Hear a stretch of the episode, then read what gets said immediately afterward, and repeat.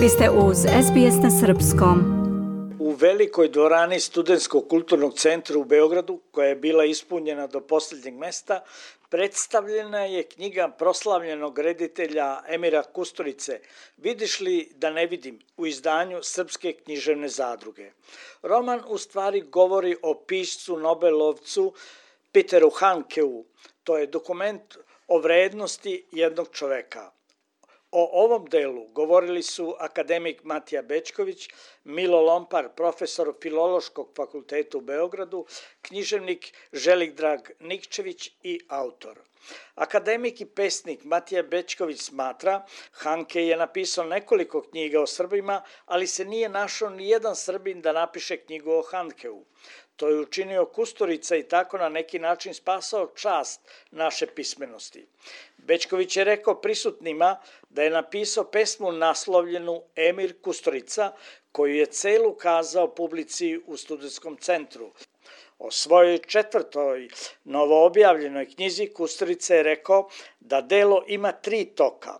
Jedan putopisni, drugi je izmišljen Handkeov prelazak na žici preko Drine, a treći piše put u Stoholm da primi Nobelovu nagradu za književnost. Kusturica je priznao da mu je isprava bilo teško da definiše Handkea i da je, čitajući njegove knjige, shvatio da je Piščevo glavno inspirativno područje bila filozofija Fridriha Ničea. Bilo mi je vrlo teško da definišem Handkea pored njegove mušićave prirode i onda sam naravno istraživajući, čitajući njegove knjige, shvatio da je njegovo glavno inspirativno područje bila filozofija Ničea, koji međutim, za razliku od Handkea koji vjeruje u Boga i u Šavilu ide svake nedelje na liturgiju u Rusku pravoslavnu crkvu, nije vjerovao u Boga. S tim što ja vjerujem da je Niče, kad bi se nekim slučajem probudio danas ili vaskrsno, da bi sigurno i on tražio Boga. Ne bi pristao na to da, da Boga nema, jer ništavilo u kojoj je otišla ta ideja o velikim dijelima i velikim ljudima od Zaratustre, pa nažalost evo i do onih koji su se koristili njegovom idejom Ibermenša, da bi, vjerujem, zbog svoje plemenitosti i patnje kroz koje je prolazio u životu,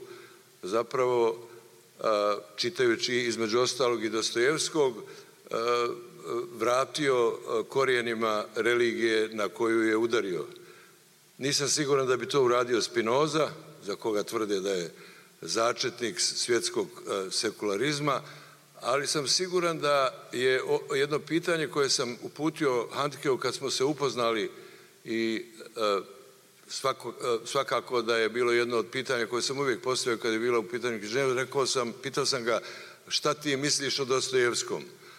A on o svemu što misli, e, sve što je na glavnoj liniji i glavnom toku, on se ne izražava, samo mi je rekao, ne znam, kao i Andrić, zašto je toliko mračan.